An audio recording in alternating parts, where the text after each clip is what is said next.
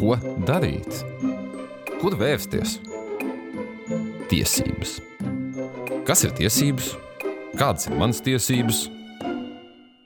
Tiesības zināt.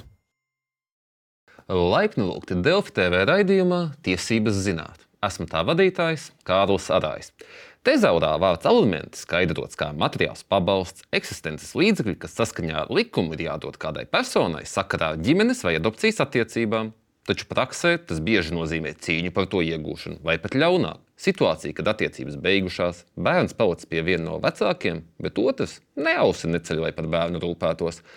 Šādā gadījumā palīdzīgā nāk uzturlīdzekļu garantijas fonda administrācija, kas izmaksā uzturlīdzekļus, kas vēlāk tiks piedzīti no parādnieka. Taču kā pie uzturlīdzekļiem tikt?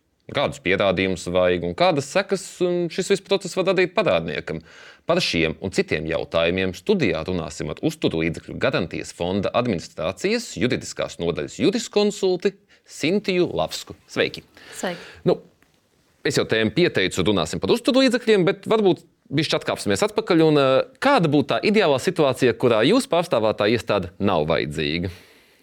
Ideālā gadījumā vecāki dzīvot kopā un kopā rūpētos par bērnu, bet, ja tas tiešām nav iespējams un vecāki nolēmuši šķirties vai dzīvo atsevišķi, tad par uzturlīdzekļiem, tāpat kā par saskarsmi ar bērnu, vajadzētu vienoties vecākiem labprātīgi un, nu, protams, labprātīgi arī to darīt. Mm -hmm. nu, skaidrs, ka Latvijas statistika ir kāda ir, un nu, šī ideālā situācija nevienmēr ir iespējama. Un tad pieņemsim, ka ir māte palikusi ar bērnu, tēvs ir nav, bet dzīves ir, strādā un māte, bet nedod nekādu naudu. Ko šai brīdī mātei darīt, nu, lai tomēr tiktu pie šiem uzturlīdzekļiem? Tātad viens no variantiem, ko viņi var darīt, viņi raksta iesniegumu uzturlīdzekļu garantiju fonda administrācijā. Un tad jau tālāk mēs uzrunājam tēvu, aicinām viņu sniegt paskaidrojumus, sākt maksāt. Ja viņš arī to nedara, tad viņa saņem uzturlīdzekļus no valsts budžeta. Savukārt mūsu iestāde uzturlīdzekļu garantija fonda administrācija vērš piedziņu pret šo tēvu par uzturlīdzekļu parādu jau. Kas šajā iesniegumā jānorāda, varbūt pāriem pa soļiem, nu, kā tas process vispār notiek, ja cilvēkam nu, tomēr stresaina situācija. Mm -hmm varbūt tā detalizētāk varam. Iesniegumam ir noteikti veidlapa. Nav pat pašam nekas jāraksta. Jāņem šī veidlapa, jāizpilda dati par sevi, par bērnu, jānorāda, ka vēlas saņemt uzturlīdzekļus vai nu tēva vietā, vai mātes vietā. Īpaši svarīgi tas ir gadījumos, kad iesniedz aizbildnis, vai arī jau pats bērns pēc pilngadības grib saņemt uzturlīdzekļus no kāda no vecākiem. Jānorāda savu kontaktinformāciju, konta numurs, un principā tas arī ir tas, kas ir jānorāda. Kas ir svarīgi ar šo iesniegumu? Vecāks arī apliecina, ka viņš nesaņem uzturlīdzekļus, ka viņam nemaksā un ka bērns ir kopā ar viņu. Uh, un kā es atvēru mājaslapu, skatījos, un tur ir tādas divas sadaļas. Ja ir tiesas spriedums un ja nav tiesas spriedums, tad par kādu tiesas spriedumu šajā gadījumā ir uh, runa? Jā, tātad uh, ir Principā jau ir divi veidi, kā saņemt uz uzturlīdzekļus. Tas viens, par ko es minēju, ir administratīvā procesa kārtībā vēršoties iestādē, tad, kad šī tiesas sprieduma nav, un vecāku starpā arī īpaši strīda nav. Vienkārši tas otrs vecāks ir kaut kur pazudis. Bet, ja vecākiem tomēr ir strīds, tad šis jautājums būtu jārisina tiesā. Jo strīdus par uzturlīdzekļiem risina tikai tiesa, un tad, attiecīgi, mātei būtu jāceļ prasība par uzturlīdzekļu piedziņu, un tiesa tad izlemtu, ir jāmaksā tēvam uzturlīdzekļi vai nav. Ja ir šāds spriedums un tēvs joprojām viņu nepilda, tad nākamais solis ir šo spriedumu iesniegt tiesu izpildītājam, lai piedzena ar varu no uh, bērnu tēvu visu. Ja arī tas nav iespējams, tad nāk fonda administrācija un izmaksā jau ņemot vērā šo spriedumu. Nu, vai uzreiz jautāšu, kāda ir tā summa, ko teiksim, nu, vecāks var saņemt par vienu bērnu nu, no uzturlīdzekļu garantijas fonda, prezum, nu, pieņemot, ka tēvs nu, vai māte nemaksā? Mm -hmm. Te ir div, divas summas šobrīd ir atšķirīgas. No uzturlīdzekļu garantija fonda saņem, var saņemt uzturlīdzekļus bērnam līdz 7 gadiem 107,50 eiro un bērnam pēc 7 gadu vecuma 129 eiro. Bet faktiski vecākam ir jāmaksā minimālais uzturlīdzekļu apmērs, kas ir piesaistīts pie minimālās algas. Tie ir 25% līdz 7 gadu vecumam, jeb 155 eiro, un 30% no minimālās algas pēc 7 gadu vecuma, jeb kas šobrīd ir 186 eiro. Mm, un, tādā gadījumā, ja mēs jau runājam par pilngadību, kas notiek tādā gadījumā, kad bērns sasniedz pilngadību? Nu, ir maksāts, teiksim, uzturlīdzekļu fonds ir maksājis šo konkrēto summu, bērnam paliek 18, viņš nu, pēc vidusskolas iestājas universitātē. Kas tad notiek? Faktiski ir tā, ka vecākam joprojām ir jā, nu, jāuztur, jāuztur bērns, jāmaksā uzturlīdzekļi bērnam līdz brīdim, kad viņš spēs sevi apgādāt. Nu, tad, protams, jautājums, ko nozīmē līdz spēs sevi apgādāt. No fonda var saņemt uzturlīdzekļus līdz 21 gadu vecumam, ja mācās vidējā līmeņa izglītību vai tai pielīdzināmu, un ja nestrādā, negūs pats šis bērns ienākums minimālās algas apmērā. Tiesās eh, mēdz noteikti arī citādāk. Tiesu praksē ir atzīts, ka līdz 24 gadiem, ja pie, ja bērns mācās pilna laika klātienē. Bet nu, te jāņem vērā, ja tiesa būs noteikusi spriedumā maksāt līdz 24 gadiem, tad to summu varēs piedzīt tikai no paša tēva. Jo viņa nav ko piedzīt, tad no fonda tāpat var saņemt tikai līdz 21 gadam. Un tikai kamēr ir vidējā izglītības Jā. iestādē. Un te bija tas jautājums, jo tiesas spriedumos bieži tas uzturlīdzekļu apjoms, kas tiek piedzīts, viņš ir krietni augstāks nu, nekā šis jūsu minētais, ko izmaksā fonds tad to starpību tā vai tā, teiksim, ja nu, praktiskā vajadzība būtu pieņemsim 300 eiro mēnesī, tad tā vai tā, ja tēvs neiesaistās, tad varēs saņemt tikai tos 130, cik tur bija jūs minējāt. Jā, no fonda tie būs joprojām 129. To parādu, kas krājas to starpību starp 129 un tie jūs minētie 300, to tāpat rēķina, kā nesakto parādu, un to piedzen tiesu izpildītājs no bērna tēva. Ja nu pēkšņi viņam kaut kāda ienākuma parādās, ja viņš, viņam ir mantojums, vai viņš laimēs loterijā, vai kāda cita apstākļa, tad tiesu izpildītājs vērš piedziņu uz šiem naudas līdzekļiem, un no tiem arī var nosakt šo parādu. Un ko darīt situācijā, ja, piemēram, nav zināms bērnu tēvs? Ja arī tā gadās, tad ir jāceļ prasība tiesā par patentāts noteikšanu. Un to var darīt arī reizē, prasot par uzturlīdzekļu piedziņu. Tādā veidā tur tās maksas ir mazākas, bet tas ir caur tiesu. Un tad tiesa, izmantojot civil procesa metodes, arī tad, uh, nosaka šo patentāti. Mm -hmm. Un uh, vēl viena tāda izplatīta problēma, kas mūsdienās ir, ir tas, ka šis uzturlīdzekļu nemaksātājs nedzīvo Latvijā. Viņš dzīvo, pieņemsim, sāksim ar Eiropas Savienību. ko tajā brīdī, vai uzturlīdzekļu fondam tas kaut ko maina, vai ne, negluži? Tas maina procedūru. Uh, Latvijā piedziņu veids tiesu izpildītājs. Ja parādnieks ir Latvijā, tad uh, dokumenti piespiedu izpildē tiek iesniegti tiesu izpildītājiem. Ja parādnieks ir kādā no Eiropas Savienības dalību valstīm, tad fonda administrācija sūta uz šo valsti dokumentus un piedziņu veids tur. -hmm. Un, ja ir ārpus Eiropas Savienības, kādā trešā valstī? Tur ir jāskatās, ir Hāgas uzturlīdzekļu konvencija, kurā ir dažādas dalību valstis, piemēram, Norvēģija, apvienotā karaliste. Tās tādas populārākās, ar ko mums ir sadarbība, bet uh, valstu saraksts ir diezgan plašs un turpina arī paplašināties. Tad arī uz turieni var sūtīt šos pieteikumus. Mhm, bet pašai, pašam tam vecākam, kurš ir bērns, tas nu, viņa galvā īsti neko nemaina. Tas maina tieši nu, pašam fondam to darbību. Ja? Nu, ja tas ir tiesas spriedums, ja, tad tiesas spriedums jau būs ne jau par labu fondam, bet par labu bērna mātei, mm. jūs minētajā gadījumā.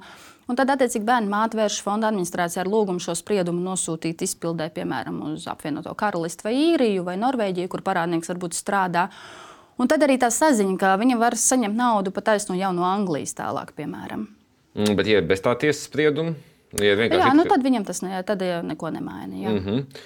Uh, un vai var būt situācija, ja cilvēks grib atteikties piemēram, no šīs naudas, nu, varbūt tas tieši, tieši tā nauda ir tā, kas traucē saņemt kādu statusu vai kaut ko. Nu, situācijas var būt dažādas, vai ir iespējams atteikties no šīs tā, fonda izmaksātās naudas.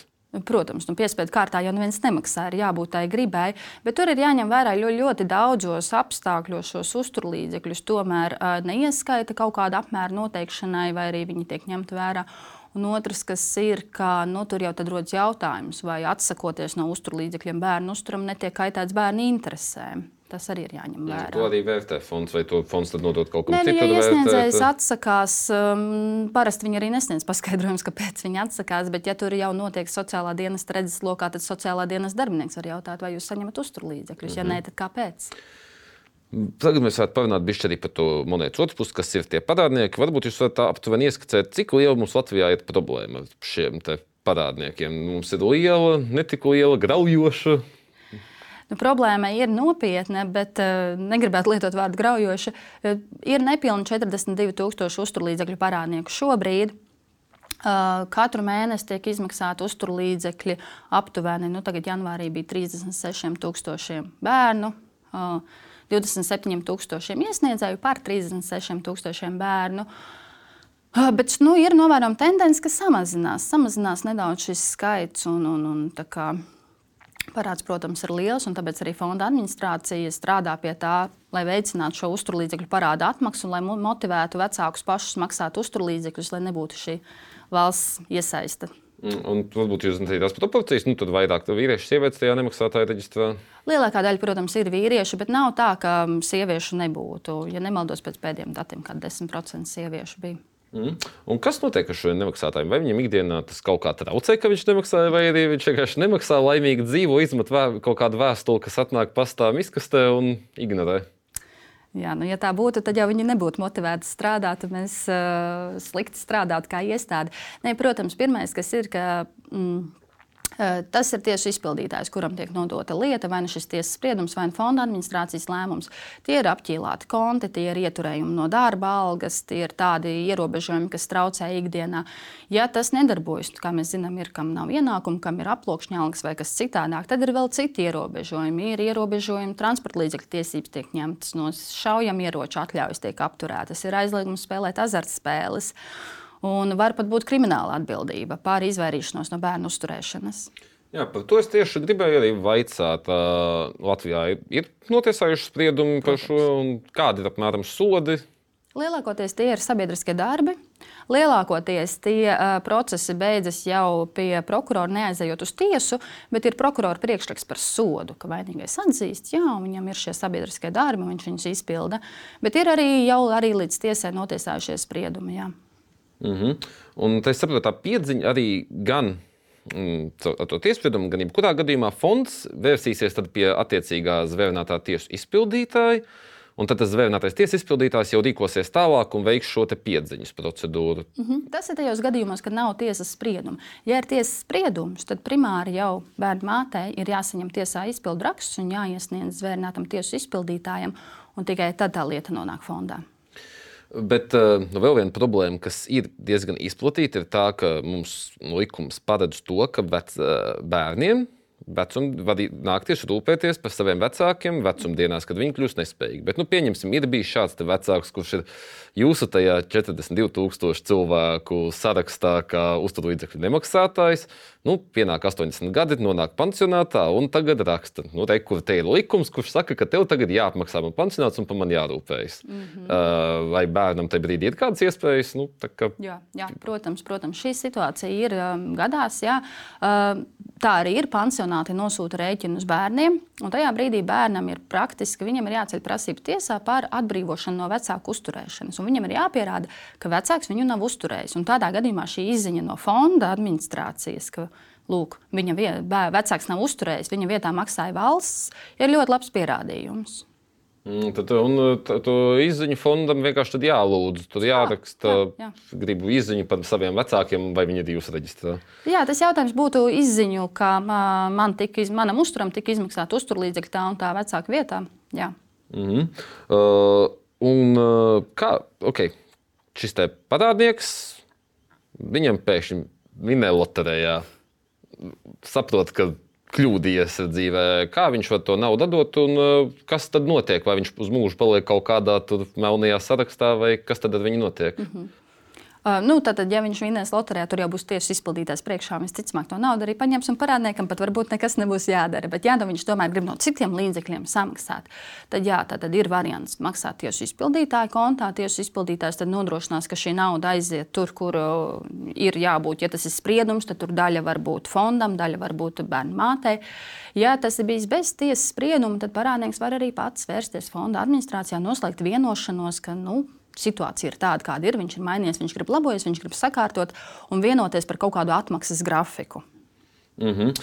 uh, un kā ir ar tām vienošanās uh, procesā? Es, protams, sakām, gribu saprast, tomēr mm -hmm. tur būs sakas viņam pēc tam vai nebūs. Vai viņš tikko samaksā, tad atkal var uh, dabūt tiesības, dabūs savu bisi un varēs aiziet uz uh, Fēniksu ratu iegriezt. Ja viņam parāda nav, viņš visu samaksājis, mums jau nav pamata viņu sodīt par to. Viņš ir visu izdarījis, viņš to uzdevumu uzturēt bērnu ir izpildījis. Ja, viņš, ja bērns vēl nav pilngadīgs un viņš atkal nonāk fondā, atkal ir parāds, tad mēs atkal esam turpat, protams. Jā. Mm -hmm. Un kāds ir tāds aptuveni tās summas, ko visbiežāk tie cilvēki paliek parādā fondam. Mēs runājam par nu, tūkstošiem, desmitiem tūkstošu, kādas ir uz ko apmēram, kas ir tā vidējā parādnieka portfets, varbūt tā finansiālais un tāds. Jā, nu tas ir diezgan sarežģīts jautājums, tāpēc, ka ir gan tie parādnieki, kuri pie mums ir uz īsu brīdi, kuri ātri atmaksā, viņam tā summa nav tik liela. Īpaši tikko bija tas pagaidu, tas pārējais noteikums, ka vēl līdz šī gada 30. jūnijam, atmaksājot pamatparādu, tiek dzēsta likumiskie procenti. Respektīvi, ir iespēja atmaksāt parādu mazākā apmērā nekā tas būs pēc tā 30. jūnija. Un tiem, kuriem tas parāds ir mazāks, viņi arī šo izmanto un, attiecīgi, tās summas neuzaudzē tik lielas. Un tad, protams, ir parādi, kur tur jau ir vairāk desmit tūkstoši apmērā, kur ir izmaksas bijušas par vairākiem bērniem, kur nav nekādu iemaksu, un kur varbūt arī nekad nebūs iemaksu, ja parādniekam ir invaliditāte vai kādi citi apstākļi. Mm -hmm. Un, uh, jūs minējat procentus. Varbūt viņš pastāstiet, kas tie ir par procentiem. Nu, tad es palieku parādā fondam, tad man tur vēl procents rēķina pa virsmu. Jā, tas arī ir viens no parāda atmaksu veicinošiem faktoriem. Jo ātrāk atmaksās, jo mazāk būs jāmaksā. Tāda tā motivācija ir. Tā tad ir pamatparāds un likumiskie procenti, kas ir 6% gadā. Ja noslēdz vienošanos, tad procenti neaug. Ja neko nedara, tad tie procenti turpina augt, un tā summa ir vēl lielāka. Un kā šajā situācijā, piemēram, ja māte saņem no fonda vai tēvs uh, saņem no fonda līdzekļus, nu, jo tas otra puse konsekventi nemaksā. Bet tad vienu reizi tā otra puse, aiz, nezinu, kāpēc, izdomā uzdāvinās 500 eiro. Nu, kā, kā tajā brīdī nav risks zaudēt tos uzturlīdzekļus, kas, kas tajā brīdī notiek? Jo, piemēram, ar maznodrošinātā statusu šādi ļoti viegli varētu pazaudēt atkal jāskatās, kā tur ir ar to uzturlīdzekļu ņemšanu vērā pie maznodrošinātā statusa. Bet... Ja, nu, te, tas bija kā piemērs šajā gadījumā. Ir... Uh, šajā gadījumā tā, tad, kad uztur, tas, kurš saņem uzturlīdzekļus no fonda, ja viņš no otra vecāka saņem uzturlīdzekļus, viņam ir trīs darba dienu laikā par to jāpainformē rakstveidā fonda administrācija. Tas ir ļoti svarīgi. Kāpēc? Tāpēc, ka nevar reizē saņemt gan no fonda, gan no vecāka. Tā tas nav domāts. Ja viņš to nav izdarījis, agri vai vēl tā informācija nonāk mūsu rīcībā, un tā summa tāpat ir jāatmaksā. Nu, jā, bet tad, uh, gadījumā, ja viņš vienkārši to uz, nu, kā dāvanu pasniedz, tad, uh, tad arī tas ir jāiet dekorēt, jo tā ir tā otra puse, un tie tāpat tiks traktēti kā uzturlīdzekļi. Uz to vienu mēnesi, jā. Mm -hmm, un, tas ir mantā, jo, nu, teiksim, knapi izdala starp uh, naudu un mantu, vai šeit arī ir kaut kāda atšķirība, ja, piemēram, ir 500 eiro vērta manta bijusi, nu, piemēram, dators. Vecāku starpā bieži ir strīdi par to, vai šis dators vispār bija vajadzīgs, vai bērnam nebija citas prioritātes. Tāpēc, kamēr vecāki vienojas labprātīgi, viņi var maksāt tos uzturlīdzekļus arī mantās un, kā mēs sakām, naudā, graudā, kā vien iespējams. Ja? Bet, ja lieta jau ir vai nu jau ir tiesas spriedums, vai lieta jau ir fondā, tad uzturlīdzekļi ir jāpārskaita naudā. Tāpēc, ka tas vecāks, kurš dzīvo ar bērnu, viņš tad arī zina, kas bērnam prioritāri būs vajadzīgs. Jo tie uzturlīdzekļi ir domāti arī pārtikai, mājoklim, visam pārējiem apģērbam. Un, nu, Tur primāri ir uzturlīdzekļu maksājums naudā. Tādā gadījumā ir tā, ka, ja, ja tiek saņemta līdzekļu no fonda, ja viens vecāks iedod naudu, tad tā ir jādeklarē eh, fondā trīs die, darba dienu laikā. Savukārt, ja iedod teiksim, vērtīgu mantu, tad tā nav jādeklarē, jo tas neatbilst īsti šim tvērumam. Pareizi, ja? Jā. Mm -hmm. Un, eh, tālāk, vēl viena būtisks aspekts ir tieši zināšanas par to, vai sabiedrība vispār ir informēta un, nu, par šo iespēju saņemt uzturlīdzekļus, un arī par iespēju nokļūt šajā parādnieku sarakstā. Teiksim, kurā brīdī parādnieks uzzina, ka ir parādnieks? Viņam atnāk pavēste, kā, kā tas process notiek. Nu, tātad, ja tas ir bez tā tiesas sprieduma, ja tas ir fonda administrācijā, tad, kā jau iepriekš teicu, tiklīdz saņemts iesniegums, mēs sūtām vēstuli otram vecākam un prasām, vai viņš maksā uzturlīdzekļus. Nu, viņš no mājās adrese ir viena, bet viņš jau sen dzīvo. Jā, tas ir ļoti sāpīgs jautājums Latvijas sabiedrībā par deklarēto adresi, ka uh, vecāki bieži atsaucas, ka nav neko saņēmuši, jo nav deklarēta adrese. Bet uh, likums principā uzliek viņiem pienākumu deklarēt adresi, kurā dzīvo, un arī saņemt korespondenci šajā adresē ja pārcelies, tad tev ir jādeklarē jaunā adrese.